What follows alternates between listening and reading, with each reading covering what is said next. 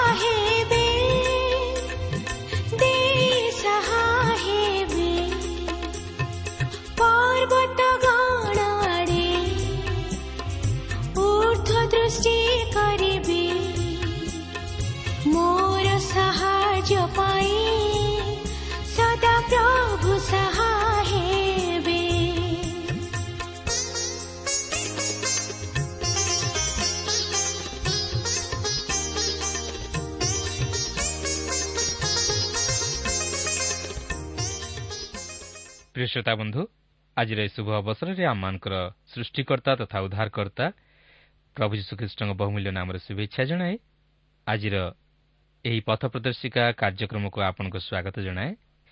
ଆପଣଙ୍କର ସହଯୋଗ ନିମନ୍ତେ ବିଶେଷ ଧନ୍ୟବାଦ। ଆପଣଙ୍କର ପ୍ରାର୍ଥନାର ଅନୁରୋଧ ରକ୍ଷା କରି ଆମେ ଆପଣଙ୍କ ନିମନ୍ତେ ପ୍ରାର୍ଥନା କରୁଅଛୁ। ଆଉ ସେହି ପ୍ରଭୁ ଯୀଶୁ ନିଶ୍ଚିତ ଭାବରେ ଆପଣଙ୍କର ସମସ୍ୟା ସମାଧାନ କରିବେ। ମାତ୍ର ସେ ଚାହାନ୍ତି ଆପଣଙ୍କର ବିଶ୍ୱାସ।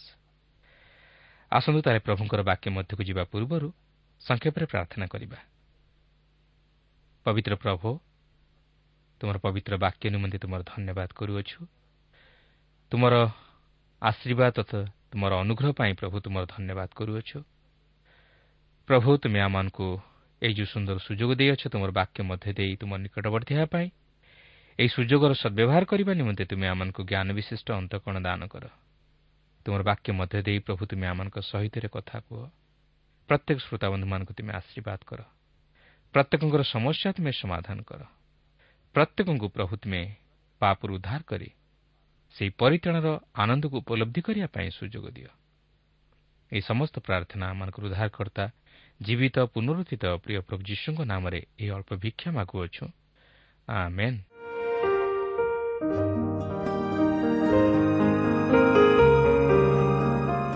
ଆସନ୍ତୁ ତାହେଲେ ପ୍ରଭୁଙ୍କର ବାକ୍ୟ ମଧ୍ୟକୁ ଯିବା। ଆଜି ଆମେ ଝିଅ ପୁସ୍ତକର ସାତ ପର୍ବର ପ୍ରଥମ ପଦରୁ ଆରମ୍ଭ କରି ଆଠ ପର୍ବର ପଞ୍ଚତିରିଶ ପଦ ପର୍ଯ୍ୟନ୍ତ ଅଧ୍ୟୟନ କରିବା ନିମନ୍ତେ ଯିବା। ଆଜି ଆମେ ଏହି ପର୍ବରେ ମୁଖ୍ୟ ଆଲୋଚନାର ବିଷୟକୁ ଲକ୍ଷ୍ୟ କରିବା। ତାହା ହେଉଛି ଅୟନଗରକୁ ହସ୍ତଗତ କରିବାରେ ଇସ୍ରାଏଲ୍ ଲୋକମାନଙ୍କର ବିଫଳତା। କିନ୍ତୁ ଏହି ବିଫଳତାର ପଛରେ ଏକ ପ୍ରଧାନ କାରଣ ଛପି ରହିଥିଲା। ତାହା ହେଉଛି ପାପ। ଆଖନ୍ ବର୍ଜିତ ବସ୍ତୁ ହରଣ କରି ପାପ କଲା। କିନ୍ତୁ ସମଗ୍ର ଇସ୍ରାଏଲ୍ ସେହି ପାପ ହେତୁ ତହିଁର ପ୍ରତିଫଳ ଭୋଗ କଲେ। ଏହି ପାପ ବାହାରୁ ଆସିନଥିଲା ମାତ୍ର ସେମାନଙ୍କ ନିଜ ବଂଶ ମଧ୍ୟରୁ ହିଁ ଆସିଥିଲା। ତେଣୁକରି ସେମାନେ ଈଶ୍ୱରଙ୍କର କ୍ରୋଧର ପାତ୍ର ହେଲେ ଓ ଅୟନଗରକୁ ହସ୍ତଗତ କରି ତାହା ଅଧିକାର କରିବାରେ ବିଫଳ ହେଲେ।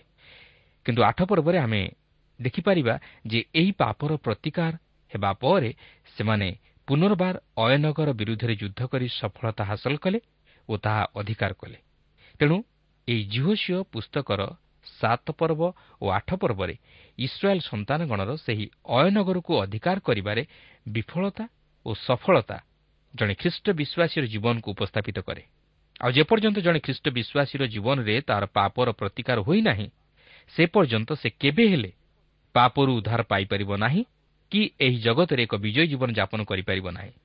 ତା'ର ଜୀବନରେ ସମସ୍ୟା ବିପଦ ତଥା ବିଫଳତା ଘିରି ରହିଥିବ ଓ ସେ କେବେ ହେଲେ ତହିଁରୁ ଉଦ୍ଧାର ପାଇପାରିବ ନାହିଁ।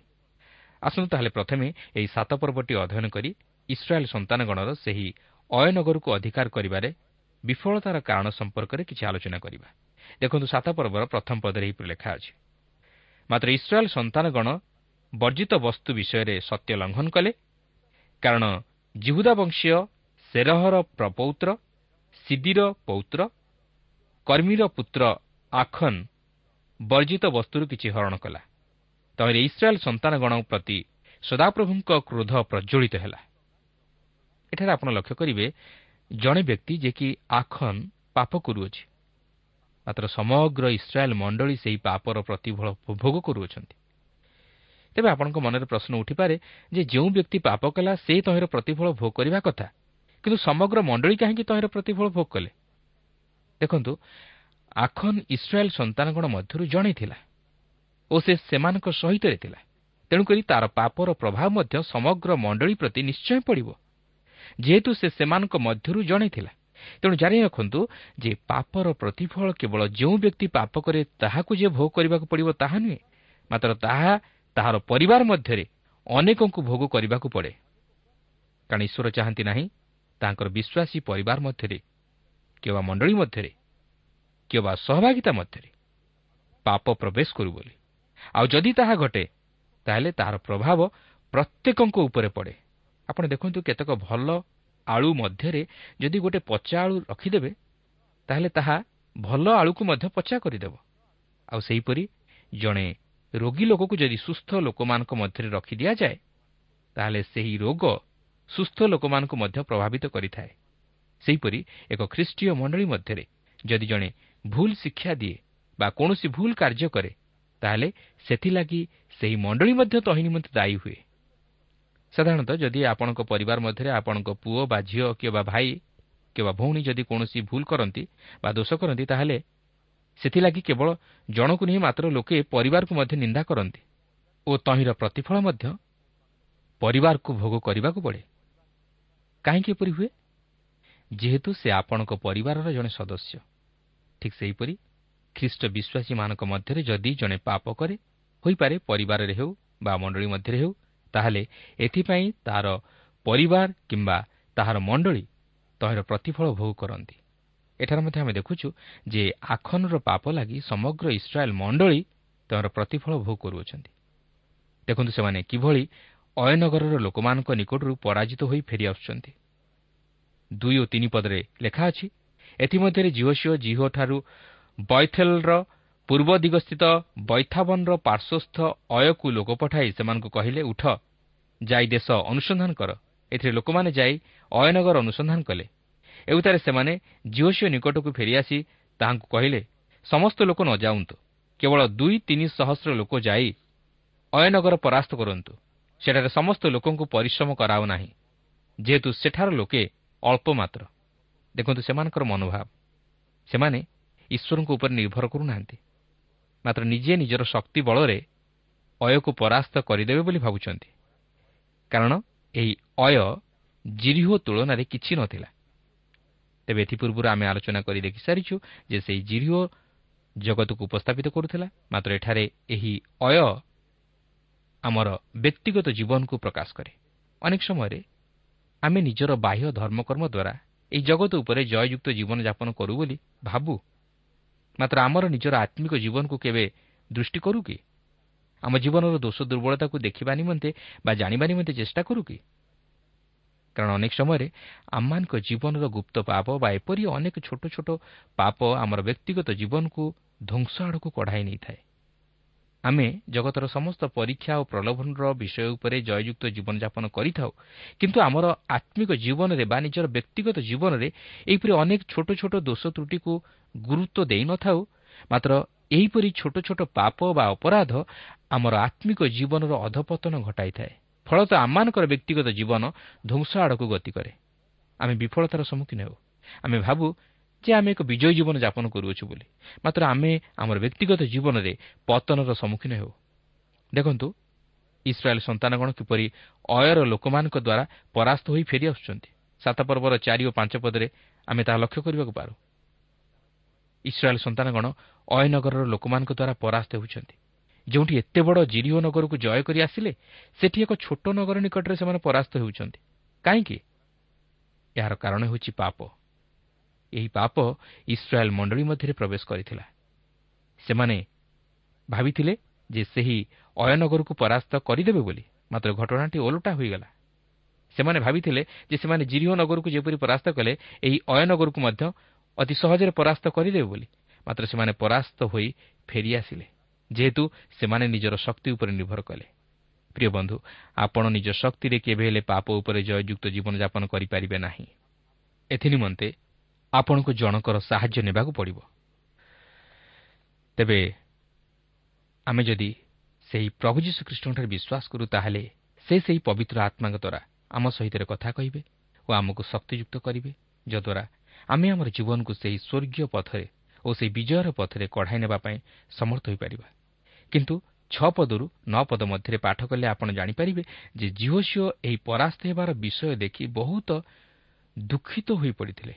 ଓ ସେ ସେଥିନିମନ୍ତେ ଅନୁତାପ କରି ଈଶ୍ୱରଙ୍କ ନିକଟରେ ପ୍ରାର୍ଥନା କରିଥିଲେ କାରଣ ସେ ଯେପର୍ଯ୍ୟନ୍ତ ସେହି ପରାସ୍ତ ହେବାର ପଛରେ କାରଣ କ'ଣ ଥିଲା ତାହା ଜାଣିପାରିନଥିଲେ ସେ ପର୍ଯ୍ୟନ୍ତ ତେବେ ଦେଖନ୍ତୁ ଜିଓସିଓଙ୍କର ଏପରି ପ୍ରାର୍ଥନାରେ ଈଶ୍ୱର ତାହାଙ୍କୁ ଏହିପରି କହନ୍ତି ଯାହାକି ସାତ ପର୍ବର ଦଶ ଓ ଏଗାର ପଦରେ ଲେଖା ଅଛି। ତେଣୁ ସଦାପ୍ରଭୁ ଜିଓସିଓଙ୍କୁ କହିଲେ ଉଠ। ଏ କ'ଣ? ତୁମେ କାହିଁକି ଅଧମୁଖ ହୋଇ ପଡ଼ିଅଛ? ଇସ୍ରାଏଲ୍ ପାପ କରିଅଛନ୍ତି। ମଧ୍ୟ ଆମେ ସେମାନଙ୍କୁ ଯେଉଁ ନିୟମ ଆଜ୍ଞା କରିଥିଲୁ ତାହା ସେମାନେ ଲଙ୍ଘନ କରିଅଛନ୍ତି। ମଧ୍ୟ ସେମାନେ ବର୍ଜିତ ବସ୍ତୁରୁ କିଛି ନେଇଅଛନ୍ତି। ମଧ୍ୟ ଚୋରି କରିଅଛନ୍ତି। ମଧ୍ୟ ପ୍ରବଞ୍ଚନା କରିଅଛନ୍ତି। ଆଉ ମଧ୍ୟ ଆପଣମାନଙ୍କ ସାମଗ୍ରୀ ମଧ୍ୟରେ ତାହା ରଖିଅଛନ୍ତି। ତେବେ ଏହା କିଏ କରିଥିଲା? ଏହା ସେହି ଆଖନ କରିଥିଲା। ମାତ୍ର ଈଶ୍ୱର କହନ୍ତି ଇସ୍ରାଏଲ୍ ପାପ କରିଅଛନ୍ତି। ଜଣେ ପାପ କଲା ମାତ୍ର ସମସ୍ତ ଇସ୍ରାଏଲ୍ ସନ୍ତାନଗଣ ଉପରେ ତହିଁର ପ୍ରତିଫଳ ବର୍ତ୍ତିଲା। ଈଶ୍ୱର କହୁନାହାନ୍ତି ଆଖନ ତାହା କଲା ବୋଲି। ମାତ୍ର ସେ ସମ୍ପୂର୍ଣ୍ଣ ଇସ୍ରାଏଲ୍କୁ ଦୋଷାରୋପ କରନ୍ତି। କାରଣ ଆଖନ ଇସ୍ରାଏଲ୍ ମଧ୍ୟରେ ଜଣେ ଥିଲା ଈଶ୍ୱର କହନ୍ତି ଝିଅସିଓ ଇସ୍ରାଏଲ୍ ପାପ କରିଅଛନ୍ତି ଓ ତୁମକୁ ତାହା ସମାଧାନ କରିବାକୁ ହେବ ଓ ସେହି ପାପର ପ୍ରତିକାର ତୁମକୁ କରିବାକୁ ହେବ। ତେବେ ଚଉଦ ପଦରୁ ଅଠର ପଦ ମଧ୍ୟରେ ଲକ୍ଷ୍ୟ କଲେ ଜଣାଯାଏ ଯେ ଈଶ୍ୱରଙ୍କର ଆଦେଶ ଅନୁଯାୟୀ ଜିହସିଓ ପ୍ରତ୍ୟେକ ବଂଶକୁ ଆଣିଲେ ଓ ଈଶ୍ୱର ଜିହୁଦା ବଂଶକୁ ନିର୍ଣ୍ଣିତ କରି ସେହି ବଂଶକୁ ଗୋଷ୍ଠୀରେ ଓ ପରିବାରରେ ବିଭକ୍ତ କରିବାରୁ ସେହି ସିଦିର ପରିବାର ମଧ୍ୟରୁ କର୍ମୀର ପୁତ୍ର ଆଖନ ନିର୍ଣ୍ଣିତ ହେଲା। କିନ୍ତୁ ଏହି ନିର୍ଣ୍ଣୟ ଈଶ୍ୱରଙ୍କ ଆଡ଼ୁ ହୋଇଥିଲା ଓ ଶେଷରେ ଆଖନ ସେହି ବର୍ଜିତ ବସ୍ତୁ ଗ୍ରହଣ କରିଥିବାର ଜଣାପଡ଼ିଲା। ଦେଖନ୍ତୁ ଜିହୋସିଓ ବର୍ତ୍ତମାନ କ'ଣ କରିବା ପାଇଁ ଯାଉଅଛନ୍ତି? ସାତ ପର୍ବର ଉଣେଇଶରୁ ଏକୋଇଶ ପଦରେ ଲକ୍ଷ୍ୟ କଲେ ଆମେ ଦେଖିବାକୁ ପାରୁ ଯେ ଏହି ଅଂଶରେ ଆଖନର ସ୍ୱୀକାରୋକ୍ତି। ସେ କହୁଛି ଯେ ସେ ପ୍ରଥମେ ଦେଖିଲା ତାପରେ ଲୋଭ କଲା ଓ ତାପରେ ନେଲା। ବାସ୍ତବରେ ଏହା ହିଁ ହେଉଛି ପାପର ପଦକ୍ଷେପ। ଏହା ହିଁ ହେଉଛି ଶାରୀରିକ ଅଭିଳାଷ। ମଣିଷର ପୁରାତନ ସ୍ୱଭାବ ମନୁଷ୍ୟକୁ ଏହିପରି ଭାବରେ ପାପରେ ପତିତ କରାଏ। ତାହା ହିଁ ଏଠାରେ ଆଖନ ସ୍ୱୀକାର କରୁଅଛି। କାରଣ ଆମେ ଯଦି ଶାରୀରିକ ଅଭିଳାଷ ଉପରେ ଜୟଯୁକ୍ତ ଜୀବନଯାପନ କରିବାକୁ ଚାହୁଁ ତାହେଲେ ଆମ ଜୀବନରେ ଆମେ ପାପକୁ ପ୍ରଶ୍ରୟ ଦେବା ଉଚିତ ନୁହେଁ ବରଂ ତାହା ସ୍ୱୀକାର କରି ସେହି ପାପରୁ ପୃଥକୀକୃତ ଜୀବନଯାପନ କରିବାକୁ ହେବ। ଆପଣଙ୍କର ମନେଥିବ ଯେ ଏଥିପୂର୍ବରୁ ଆମେ ଆଲୋଚନା କରି ଦେଖିଥିଲୁ ଯେ ଜଗତକୁ ଜୟ କରିବାକୁ ହେଲେ ଆମକୁ ବିଶ୍ୱାସ କରିବାକୁ ହେବ କିନ୍ତୁ ଶରୀରକୁ ଜୟ କରିବାକୁ ହେଲେ ଆମକୁ ସେପରି କରିବାକୁ ହୁଏ ନାହିଁ ମାତ୍ର ବିଶ୍ୱାସ ସହିତ ଈଶ୍ୱରଙ୍କ ସହିତ ସହଭାଗିତା ସ୍ଥାପନ କରିବାକୁ ହେବ। ଓ ପବିତ୍ର ଆତ୍ମାଙ୍କ ଶକ୍ତିରେ ପରିପୂର୍ଣ୍ଣ ହେବାକୁ ହେବ। କିନ୍ତୁ ଏହା କେତେବେଳେ ଆମମାନଙ୍କ ଜୀବନରେ ସଫଳ ହୋଇପାରିବ? ଯେତେବେଳେ ଆମେ ପାପ ସ୍ୱୀକାର କରି ତହିଁରୁ ଉଦ୍ଧାର ପାଇବା ସଙ୍ଗେ ସଙ୍ଗେ ପାପରୁ ପୃଥକୀକୃତ ଜୀବନ କାଟିବା ସେତେବେଳେ ଏହା ଆମମାନଙ୍କ ଜୀବନରେ ସଫଳ ହେବ। ତେଣୁ ନିଜକୁ ପାପି ବୋଲି ଜାଣିବା ଓ ସେହି ପାପକୁ ସ୍ୱୀକାର କରିବା ନିତାନ୍ତ ଆବଶ୍ୟକ। କାରଣ ଯେପର୍ଯ୍ୟନ୍ତ ଆମେ ନିଜକୁ ପାପି ବୋଲି ଚିହ୍ନି ନାହୁଁ ଓ ସେହି ପାପ ନିମନ୍ତେ ଅନୁତାପ କରି ତାହା ସ୍ୱୀକାର କରିନାହୁଁ ଓ ଓ ତହିଁରୁ ପୃଥକୀକୃତ ଜୀବନଯାପନ କରିନାହୁଁ ସେ ପର୍ଯ୍ୟନ୍ତ ଆମେ ଈଶ୍ୱରଙ୍କ ସହିତ ସହଭାଗିତା ସ୍ଥାପନ କରିପାରିବା ନାହିଁ କି ପବିତ୍ର ଆତ୍ମାଙ୍କର ଶକ୍ତିରେ ପରିପୂର୍ଣ୍ଣ ହୋଇପାରିବା ନାହିଁ। ତେଣୁ ଜଣେ ମନୁଷ୍ୟ ଯଦି ଶରୀର ଉପରେ ଜୟଯୁକ୍ତ ଜୀବନଯାପନ କରିବାକୁ ଚାହେଁ ତାହେଲେ ତାହାକୁ ଈଶ୍ୱରଙ୍କ ସହିତ ସହଭାଗିତା ଜୀବନଯାପନ କରିବାକୁ ହେବ ଓ ପବିତ୍ର ଆତ୍ମାଙ୍କ ଶକ୍ତିରେ ପରିପୂର୍ଣ୍ଣ ହେବାକୁ ହେବ। କିନ୍ତୁ ଏହା କେତେବେଳେ ସମ୍ଭବ ହେବ? ଯେତେବେଳେ ଜଣେ ନିଜକୁ ପାପି ବୋଲି ଜାଣି ତାହାର ପାପ ସବୁ ସ୍ୱୀକାର କରି କ୍ଷମା ମାଗିବ ସେତେବେଳେ ତାହା ସମ୍ଭବ ହେବ। ତେଣୁ ପ୍ରଥମ ଯୌନ ପ୍ରଥମ ପର୍ବର ନଅପଦରେ ଲେଖା ଅଛି ଯଦି ଆମମାନେ ଆପଣା ଆପଣା ପାପ ସ୍ୱୀକାର କରୁ ତେବେ ସେ ଆମମାନଙ୍କର ପାପ କ୍ଷମା କରିବାକୁ ଓ ସମସ୍ତ ଅଧର୍ମରୁ ଆମମାନଙ୍କୁ ପରିଷ୍କାର କରିବାକୁ ବିଶ୍ୱସ୍ତ ଓ ନ୍ୟାୟବାନ ଅଟନ୍ତି। ତେଣୁ ପ୍ରିୟ ବନ୍ଧୁ ନିଜର ପାପ ସ୍ୱୀକାର କରି ସେହି ପ୍ରଭୁ ଯୀଶୁଙ୍କଠାରେ କ୍ଷମା ମାଗନ୍ତୁ। ତାହେଲେ ସେ ଆପଣଙ୍କୁ ପାପରୁ ଉଦ୍ଧାର କରି ଈଶ୍ୱରଙ୍କ ସହ ସଂଯୁକ୍ତ କରିବେ ଓ ଆପଣ ଈଶ୍ୱରଙ୍କ ସହଭାଗିତା ଲାଭ କରି ଶରୀର ଉପରେ ଜୟଯୁକ୍ତ ଜୀବନଯାପନ କରିପାରିବେ। ଏହାପରେ ସେହି ସାତ ପର୍ବର ଚବିଶରୁ ଛବିଶ ପଦ ମଧ୍ୟରେ ଆମେ ଦେଖୁଛୁ ଯେ ଆଖନ ପ୍ରତି କ'ଣ ଘଟିବା ପାଇଁ ଯାଉଅଛି। ଏଥୁ ଝିଅ ଓ ସମଗ୍ର ଇସ୍ରାଏଲ୍ ସେରହର ସନ୍ତାନ ସେହି ଆଖନକୁ ଓ ସେହି ରୂପା ଓ ବସ୍ତ୍ର ଓ ସୁନାମୁଣ୍ଡା ଓ ତାହାର ପୁତ୍ର ଓ କନ୍ୟାମାନଙ୍କୁ ଓ ତାହାର ଗୋରୁ ଓ ଗଧ ଓ ମେଣ୍ଢା ଓ ତମ୍ବୁ ସର୍ବସ୍ୱ ନେଇ ଆଖର ଉପତ୍ୟକାକୁ ଆଣିଲେ। ପୁଣି ଝିଅ କହିଲେ ତୁମେ କାହିଁକି ଆମମାନଙ୍କୁ ଦୁଃଖ ଦେଲ? ସଦାପ୍ରଭୁ ଆଜି ତୁମକୁ ଦୁଃଖ ଦେବେ। ଏଥିରେ ସମଗ୍ର ଇସ୍ରାଏଲ୍ ତାହାକୁ ପ୍ରସ୍ତରାଘାତ କରି ବଦ୍ଧ କଲେ। ପୁଣି ସେମାନେ ସେସବୁ ଅଗ୍ନିରେ ଦଗ୍ଧ କରି ପ୍ରସ୍ତରରେ ପୋତି ପକାଇଲେ। ଆଉ ସେମାନେ ତାହା ଉପରେ ଏକ ବୃହତ୍ ପ୍ରସ୍ତର ଢିପି କଲେ। ତାହା ଆଜି ଯାଏ ଅଛି। ଏହି ରୂପେ ସଦାପ୍ରଭୁ ଆପଣା ପ୍ରଚଣ୍ଡ କ୍ରୋଧରୁ ନିବୃତ୍ତ ହେଲେ। ଏହେତୁ ସେହି ସ୍ଥାନ ଆଜି ଯାଏଁ ଆଖୋର ଦୁଃଖ ଉପତ୍ୟକା ବୋଲି ଖ୍ୟାତ ଅଛି। ଲକ୍ଷ୍ୟ କରନ୍ତୁ ପାପର ପରିଣାମ। କାରଣ ଯେଉଁମାନେ ଶାରୀରିକ ଅଭିଳାଷକୁ ଚରିତାର୍ଥ କରିବା ପାଇଁ ଶରୀର ପଛରେ ଯାଆନ୍ତି ଓ କେବଳ ଶରୀର ନିମନ୍ତେ ବଞ୍ଚନ୍ତି ସେମାନଙ୍କ ଦଶା ଠିକ୍ ଏହିପରି ହୁଏ। ତେଣୁ ରୋମିଓ ଆଠ ପର୍ବର ତେର ପଦରେ ଲେଖା ଅଛି କାରଣ ଯଦି ଶାରୀରିକ ଭାବାନୁସାରେ ତୁମେମାନେ ଜୀବନଯାପନ କର ତେବେ ଅବଶ୍ୟ ମରିବ। କିନ୍ତୁ ଯଦି ଆତ୍ମାଙ୍କ ଦ୍ୱାରା ତୁମେମାନେ ଶରୀରର କର୍ମ ସବୁକୁ ବିନାଶ କର ତେବେ ଜୀବିତ ହେବ। ତେଣୁ ଯଦି ଆମେ ବାସ୍ତବରେ ଜୀବିତ ହେବାକୁ ଚାହୁଁ ତାହେଲେ ଆମକୁ ଆମର ପାପ ନିମନ୍ତେ ଅନୁତାପ କରି ସ୍ୱୀକାର କରି ସେହି ପାପରୁ ପୃଥକୀକୃତ ଜୀବନଯାପନ କରିବାକୁ ହେବ। କିନ୍ତୁ ଯେପର୍ଯ୍ୟନ୍ତ ଆମେ ପାପକୁ ନିଜ ଜୀବନରେ ଲୁଚାଇ ରଖିବାକୁ ଚେଷ୍ଟା କରିବା ସେ ପର୍ଯ୍ୟନ୍ତ ଆମେ ଗୋଟିକ ପରେ ଗୋଟିଏ ପାପ କରି ଚାଲିଥିବା। କାରଣ ଗୋଟିଏ ପାପକୁ ଛପାଇବା ପାଇଁ ଆମେ ଅସଂଖ୍ୟ ପାପ କରୁ ଅସଂଖ୍ୟ ମିଛ କହିବାକୁ ପଡ଼େ ହୋଇପାରେ ଅନେକ ପାପ ମଧ୍ୟ କରିବାକୁ ପଡ଼େ। ତେଣୁ ଆମେ ଯାହା ପାପ କରିଛୁ ତାହା ପ୍ରଭୁ ଯୀଶୁଙ୍କଠାରେ ନିଶ୍ଚୟ ସ୍ୱୀକାର କରିବାକୁ ହେବ। ତାହେଲେ ଆମେ ଈଶ୍ୱରଙ୍କ ସହ ସେହି ବାସ୍ତବ ସହଭାଗିତା ମଧ୍ୟରେ ପ୍ରବେଶ କରି ଶରୀରର କର୍ମଗୁଡ଼ାକୁ ନିପାତ କରିପାରିବା। କିନ୍ତୁ ଏଠାରେ ଆପଣଙ୍କ ମନରେ ପ୍ରଶ୍ନ ଆସିପାରେ ଯେ ଆଖନ ତ ନିଜର ପାପ ସ୍ୱୀକାର କଲା? କିନ୍ତୁ ସେ କାହିଁକି ନିଜର ପାପ ନିମନ୍ତେ ବିଚାରିତ ହେଲା? ବାସ୍ତବରେ ଦେଖିବାକୁ ଗଲେ ଆଖନ ସ୍ୱତ ପ୍ରବୃତ୍ତ ଭାବେ ନିଜର ପାପକୁ ସ୍ୱୀକାର କରିନଥିଲା ମାତ୍ର ପରିସ୍ଥିତିରେ ପଡ଼ି ନିଜର ପାପ ଝିଅଙ୍କ ନିକଟରେ ସ୍ୱୀକାର କରିଥିଲା। ତାଛଡ଼ା ଏପରି ପାପ ଯେପରି ଇସ୍ରାଏଲ୍ ସମାଜ ମଧ୍ୟରେ କେହି ନ କରନ୍ତି ଏଥିନିମନ୍ତେ ତାହାକୁ ଏହିପରି ଦଣ୍ଡ ମିଳିଲା। ତାଛଡ଼ା ତାହାର ପାପ ନିମନ୍ତେ ସମଗ୍ର ମଣ୍ଡଳୀ ଈଶ୍ୱରଙ୍କର କ୍ରୋଧର ପାତ୍ର ହୋଇଥିଲେ। ତେଣୁ ମୋର ଅନୁରୋଧ ଆପଣ ସ୍ୱତ ପ୍ରବୃତ୍ତ ଭାବେ ନିଜର ପାପକୁ ପ୍ରଭୁ ଯୀଶୁଙ୍କଠାରେ ସ୍ୱୀକାର କରନ୍ତୁ ଓ ତାହାଙ୍କଠାରୁ କ୍ଷମାଭିକ୍ଷା କରନ୍ତୁ। ତାହେଲେ ଆପଣ ଉଦ୍ଧାର ପାଇବେ ଓ ଏହି ଜଗତରେ ବଞ୍ଚିଥାଉଁ ଥାଉଁ ଶାରୀରିକ କର୍ମଗୁଡ଼ାକ ଉପରେ ଜୟଯୁକ୍ତ ଜୀବନଯାପନ କରିପାରିବେ। କିନ୍ତୁ ନିଜେ ପାପ କରି ନିଜର ଜୀବନ ପ୍ରତି ନିଜର ପରିବାର ପ୍ରତି ବା ନିଜର ବିଶ୍ୱାସୀ ମଣ୍ଡଳୀ ପ୍ରତି ଈଶ୍ୱରଙ୍କ କ୍ରୋଧ ନ ବର୍ତ୍ତାନ୍ତୁ ତେବେ ଆସନ୍ତୁ ଦେଖିବା ଯେଉଁ ଅୟନଗରଠାରୁ ଇସ୍ରାଏଲ୍ ସନ୍ତାନଗଣ ପରାସ୍ତ ହୋଇ ଫେରିଆସିଥିଲେ ସେହି ଅୟନଗର ଉପରେ କିପରି ବିଜୟ ହାସଲ କରିବାକୁ ଯାଉଅଛନ୍ତି? ଆଠ ପର୍ବର ପ୍ରଥମ ଦୁଇ ପଦରେ ଏହିପରି ଲେଖା ଅଛି ଅନନ୍ତର ସଦାପ୍ରଭୁ ଜିଓସଙ୍କୁ କହିଲେ ଭୟ କର ନାହିଁ କିମ୍ବା ନିରାଶ ହୁଅ ନାହିଁ। ସମସ୍ତ ସୈନ୍ୟ ସଙ୍ଗେ ନେଇ ଉଠି ଅୟକୁ ଯାତ୍ରା କର। ଦେଖ ଆମ୍ଭେ ଅୟର ରାଜାଙ୍କୁ ଓ ତାଙ୍କର ଲୋକମାନଙ୍କୁ ଓ ତାଙ୍କର ନଗର ଓ ତାଙ୍କର ଦେଶକୁ ତୁମ୍ଭ ହସ୍ତରେ ସମର୍ପଣ କଲୁ। ତୁମେ ଜିରିଓ ଓ ତହିଁର ରାଜା ପ୍ରତି ଯେରୂପ କଲ ଅୟ ଓ ତହିଁର ରାଜା ପ୍ରତି ସେରୂପ କରିବ। କେବଳ ତୁମେମାନେ ତହିଁର ଲୁଟଦ୍ରବ୍ୟ ଓ ପଶୁ ଆପଣାମାନଙ୍କ ନିମନ୍ତେ ନେବ। ତୁମେ ନଗରର ପଶ୍ଚାତ୍ ଆପଣାର ଏକ ଦଳ ସୈନ୍ୟ ଗୋପନ କରି ରଖ। ଦେଖନ୍ତୁ ଏଠାରେ ଈଶ୍ୱର ଜିଓସଙ୍କୁ କହନ୍ତି ତୁମେ ସମସ୍ତ ସୈନ୍ୟ ସଙ୍ଗେ ନେଇ ଅୟ ବିରୁଦ୍ଧରେ ଯୁଦ୍ଧ କରିବାକୁ ଯାଅ। କିନ୍ତୁ ଏଠାରେ ଆପଣ ଗୋଟିଏ ବିଷୟ ଲକ୍ଷ୍ୟ କରିବେ ଯେ ସେମାନେ ଯେତେବେଳେ ସେହି ଜିରିଓ ନଗରକୁ ପରାସ୍ତ କରି ହସ୍ତଗତ କଲେ ସେତେବେଳେ ଈଶ୍ୱର ସେମାନଙ୍କୁ କୌଣସି ବସ୍ତୁ ସେମାନଙ୍କ ନିଜ ନିମନ୍ତେ ଗ୍ରହଣ କରିବା ପାଇଁ ମନା କରିଥିଲେ। କିନ୍ତୁ ଏଠାରେ ଏହି ଅୟନଗରକୁ ହସ୍ତଗତ କରିବାରେ ସେମାନଙ୍କୁ ସମସ୍ତ ଲୁଟଦ୍ରବ୍ୟ ଓ ପଶୁ ଗ୍ରହଣ କରିବାକୁ କହନ୍ତି। ତେବେ ଏଠାରେ ଏପରି ଭିନ୍ନତା କାହିଁକି ଦେଖାଯାଏ? ଏହାର କାରଣ କ'ଣ? ଏହାର କାରଣ ହେଉଛି ଯେ ସେହି ସମୟରେ ଜିରିଓରେ ସାମାଜିକ ବ୍ୟାଧି ଅତି ଦ୍ରୁତ ଗତିରେ ପ୍ରସାର ଲାଭ କରିଥିଲା। ତେଣୁକରି ଈଶ୍ୱର ସେମାନଙ୍କୁ ସେହି ସମସ୍ତ ଲୁଟଦ୍ରବ୍ୟ ଓ ପଶୁ ଗ୍ରହଣ କରିବା ନିମନ୍ତେ ମନା କରିଥିଲେ। ତେବେ ଦେଖନ୍ତୁ ଜିଓ ସିଓ କିପରି ଅୟ ବିରୁଦ୍ଧରେ ଯୁଦ୍ଧ କରିବାକୁ ଯାଉଅଛନ୍ତି ଯାହାକି ତିନି ପଦରୁ ସାତ ପଦ ମଧ୍ୟରେ ଲେଖା ଅଛି।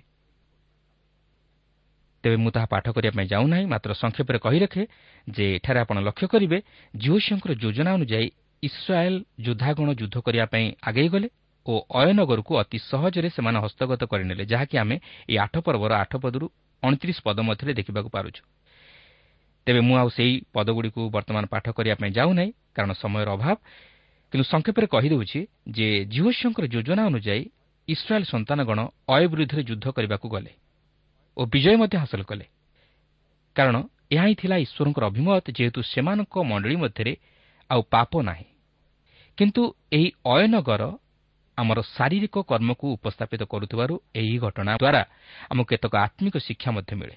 ପ୍ରଥମତଃ ଆମେ ଆମର ଶତ୍ରୁକୁ ଚିହ୍ନିବା ଆବଶ୍ୟକ। ତେବେ ଏହି ଶତ୍ରୁ ବାହାରର କୌଣସି ଶତ୍ରୁ ନୁହେଁ ମାତ୍ର ଆମେ ନିଜେ ନିଜର ପ୍ରଧାନ ଶତ୍ରୁ। କାରଣ ଆମ ମଧ୍ୟରେ ଯେଉଁ ଶାରୀରିକ ପ୍ରବୃତ୍ତି ରହିଅଛି ତାହା ହିଁ ଆମକୁ ପାପ କରିବାକୁ ପ୍ରବର୍ତ୍ତାଏ ଓ ତାହା ହିଁ ଆମର ପ୍ରଧାନ ଶତ୍ରୁ। ଦ୍ୱିତୀୟରେ ଆମେ ଆମର ବିଫଳତା ସମ୍ପର୍କରେ ଭଲ ଭାବରେ ଅବଗତ ହେବା ଉଚିତ ଓ ତହିଁର କାରଣ ଜାଣିବା ଉଚିତ। କାରଣ ସାଧାରଣତଃ ଆମେ ଯେତେବେଳେ ନିଜେ ନିଜ ଶକ୍ତି ବା ବଳ ଉପରେ ବା ନିଜର ସାମର୍ଥ୍ୟ ଉପରେ ନିର୍ଭର କରୁ ସେତେବେଳେ ଆମେ ବିଫଳତାର ସମ୍ମୁଖୀନ ହେଉ। ଆଜି ଅନେକ ଲୋକ ଏହିପରି ଭାବେ ନିଜର ଶକ୍ତି ବା ଧର୍ମକର୍ମ ବଳରେ ଶାରୀରିକ ପ୍ରବୃତ୍ତି ଉପରେ ଜୟଲାଭ କରିବା ନିମନ୍ତେ ଚେଷ୍ଟା କରନ୍ତି। ମାତ୍ର ସେମାନେ ପାରନ୍ତି ନାହିଁ। କାରଣ କୌଣସି ମନୁଷ୍ୟ ନିଜର ଶକ୍ତି ବା ଧର୍ମକର୍ମ ଦ୍ୱାରା ଧାର୍ମିକ ଗଣିତ ହୋଇପାରିବ ନାହିଁ ଯେହେତୁ ମନୁଷ୍ୟ ହେଉଛି ଦୁର୍ବଳ। ତେଣୁକରି ପ୍ରେରିତ ପାଉଲ ରୋମିଓ ସାତ ପର୍ବର ଚବିଶ ପଦରେ କହନ୍ତି ହାୟ ଦୁର୍ଭାଗ୍ୟ ମନୁଷ୍ୟ ଯେ ମୁଁ ମୋତେ ଏହି ମୃତ୍ୟୁର ଶରୀରରୁ କିଏ ଉଦ୍ଧାର କରିବ? ପ୍ରିୟ ବନ୍ଧୁ ଆପଣ ଓ ମୁଁ ଆମେ କେବେ ହେଲେ ନିଜର ଶାରୀରିକ ପ୍ରବୃତ୍ତିଗୁଡ଼ାକୁ ଆୟତ କରିପାରିବା ନାହିଁ। ଏ ଆମମାନଙ୍କର ଶକ୍ତିର ବାହାରେ। ଯେହେତୁ ପାପରେ ଆମମାନଙ୍କର ଜନ୍ମ ଓ ପାପ କରିବା ମନୁଷ୍ୟର ସ୍ୱାଭାବିକ ପ୍ରବୃତ୍ତି। ତେଣୁକରି ଈଶ୍ୱର କହନ୍ତି ତୁମେ ତାହାକୁ ନିଜେ ଆୟତାଧୀନ କରିପାରିବ ନାହିଁ। ମାତ୍ର ପବିତ୍ର ଆତ୍ମା ତାହାକୁ ଆୟତ କରିପାରିବେ ଓ ସେ ଆପଣଙ୍କୁ ତହିଁ ଉପରେ ବିଜୟ ଜୀବନ ଯାପନ କରିବା ନିମନ୍ତେ ଶକ୍ତି ଦେବେ। କାରଣ ପ୍ରଭୁ ଯୀଶୁଖ୍ରୀଷ୍ଟ କେବଳ ଆମକୁ ପାପରୁ ଉଦ୍ଧାର କରିବା ନିମନ୍ତେ ସେହି କୃଷ୍ୟ ମୃତ୍ୟୁବରଣ କଲେ ନାହିଁ। ମାତ୍ର ସେଥିସହିତ ସେ ଆମର ପାପର ସ୍ୱଭାବର ପ୍ରତିକାର କରି ସେହି ପାପର ସ୍ୱଭାବରୁ ଆମକୁ ମୁକ୍ତ କରିବା ନିମନ୍ତେ ମଧ୍ୟ ମୃତ୍ୟୁଭୋଗ କଲେ। ଯାହାକି ରୋମିଓ ଆଠ ପର୍ବର ତିନି ପଦରେ ଲେଖା ଅଛି। ଆସନ୍ତୁ ଏହାପରେ ଆଶୀର୍ବାଦ ଓ ଅଭିଶାପର ବିଷୟ ଅଧ୍ୟୟନ କରିବା ପାଇଁ ଯିବା ଯାହାକି ଝିଅ ଝିଅ ଇସ୍ରାଏଲ୍ ସନ୍ତାନଗଣଙ୍କ ନିକଟରେ ପାଠ କରନ୍ତି। ଦେଖନ୍ତୁ ଆଠ ପର୍ବର ତିରିଶରୁ ବତିଶ ପଦରେ ଏହିପରି ଲେଖା ଅଛି ଏଉତାରେ ଝିଅ ଝିଅ ଏବଲ ପର୍ବତରେ ସଦାପ୍ରଭୁ ଇସ୍ରାଏଲ୍ର ପରମେଶ୍ୱରଙ୍କ ଉଦ୍ଦେଶ୍ୟରେ ଏକ ଯଜ୍ଞବିଧି ନିର୍ମାଣ କଲେ।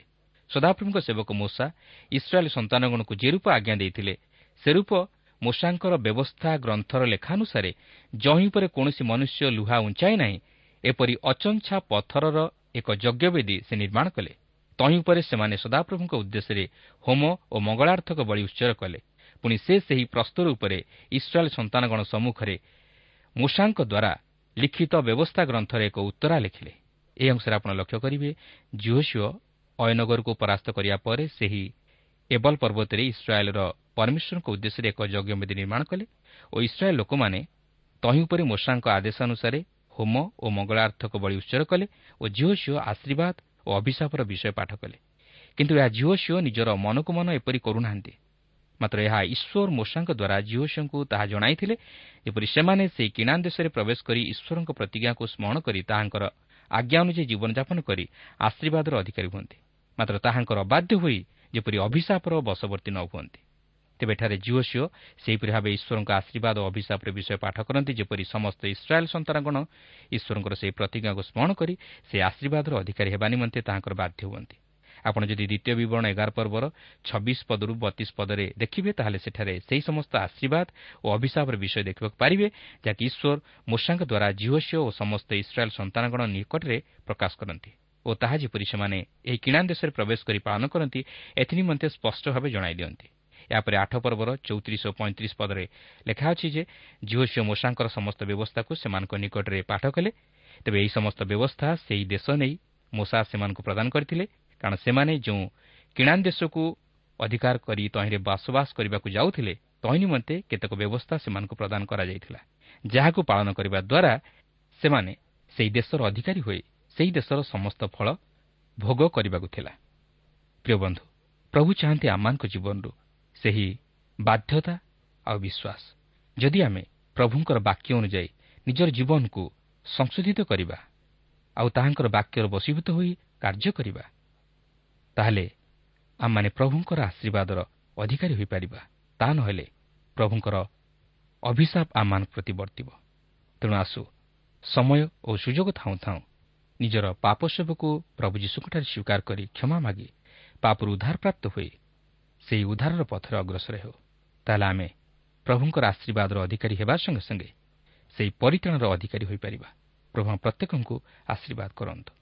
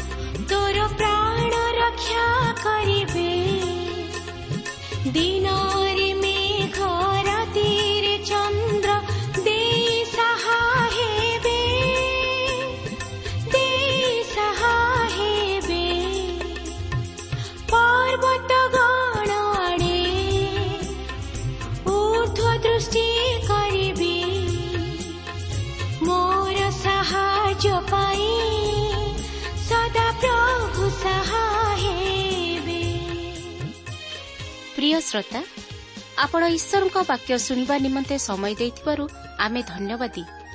ଆପଣ ଯଦି ପ୍ରଭୁ ଯୀଶୁଙ୍କର ବାକ୍ୟ ବିଷୟରେ ଓ ତାହାଙ୍କର ପ୍ରେମ ବିଷୟରେ ଅଧିକ ଜାଣିବାକୁ ଚାହାନ୍ତି ଯାହାକି ଆପଣଙ୍କୁ ପାପରୁ ଉଦ୍ଧାର ପାଇବା ନିମନ୍ତେ ପଥ ଦେଖାଇବ ତାହେଲେ ଆମ ସହିତ ପତ୍ର ମାଧ୍ୟମରେ ଅଥବା ଟେଲିଫୋନ୍ ଯୋଗେ ଯୋଗାଯୋଗ କରନ୍ତୁ। ଆମର ଠିକଣା ପଥ ପ୍ରଦର୍ଶିକା trans world radio India post box number ତିନି ତିନି ଭୁବନେଶ୍ୱର ସାତ ପାଞ୍ଚ ଏକ ଶୂନ ଶୂନ ଏକ mobile number nine seven double seven double two one four one five ଠିକଣାଟି ଆଉଥରେ ଶୁଣନ୍ତୁ ପଥ ପ୍ରଦର୍ଶିକା trans world radio India post box number three three Bhubaneswar seven five one zero zero one mobile number nine seven double seven double two one four one five ଆମର email ଆଡ୍ରେସଟି ଲେଖି ରଖନ୍ତୁ Odia TTV at radio eight eight two dot com ତେବେ ଆଜି ପାଇଁ ଏଠାରେ ରଖୁଛୁ। ପ୍ରଭୁ ଯୀଶୁ ଆପଣଙ୍କୁ ଆଶୀର୍ବାଦ କରନ୍ତୁ। ନମସ୍କାର।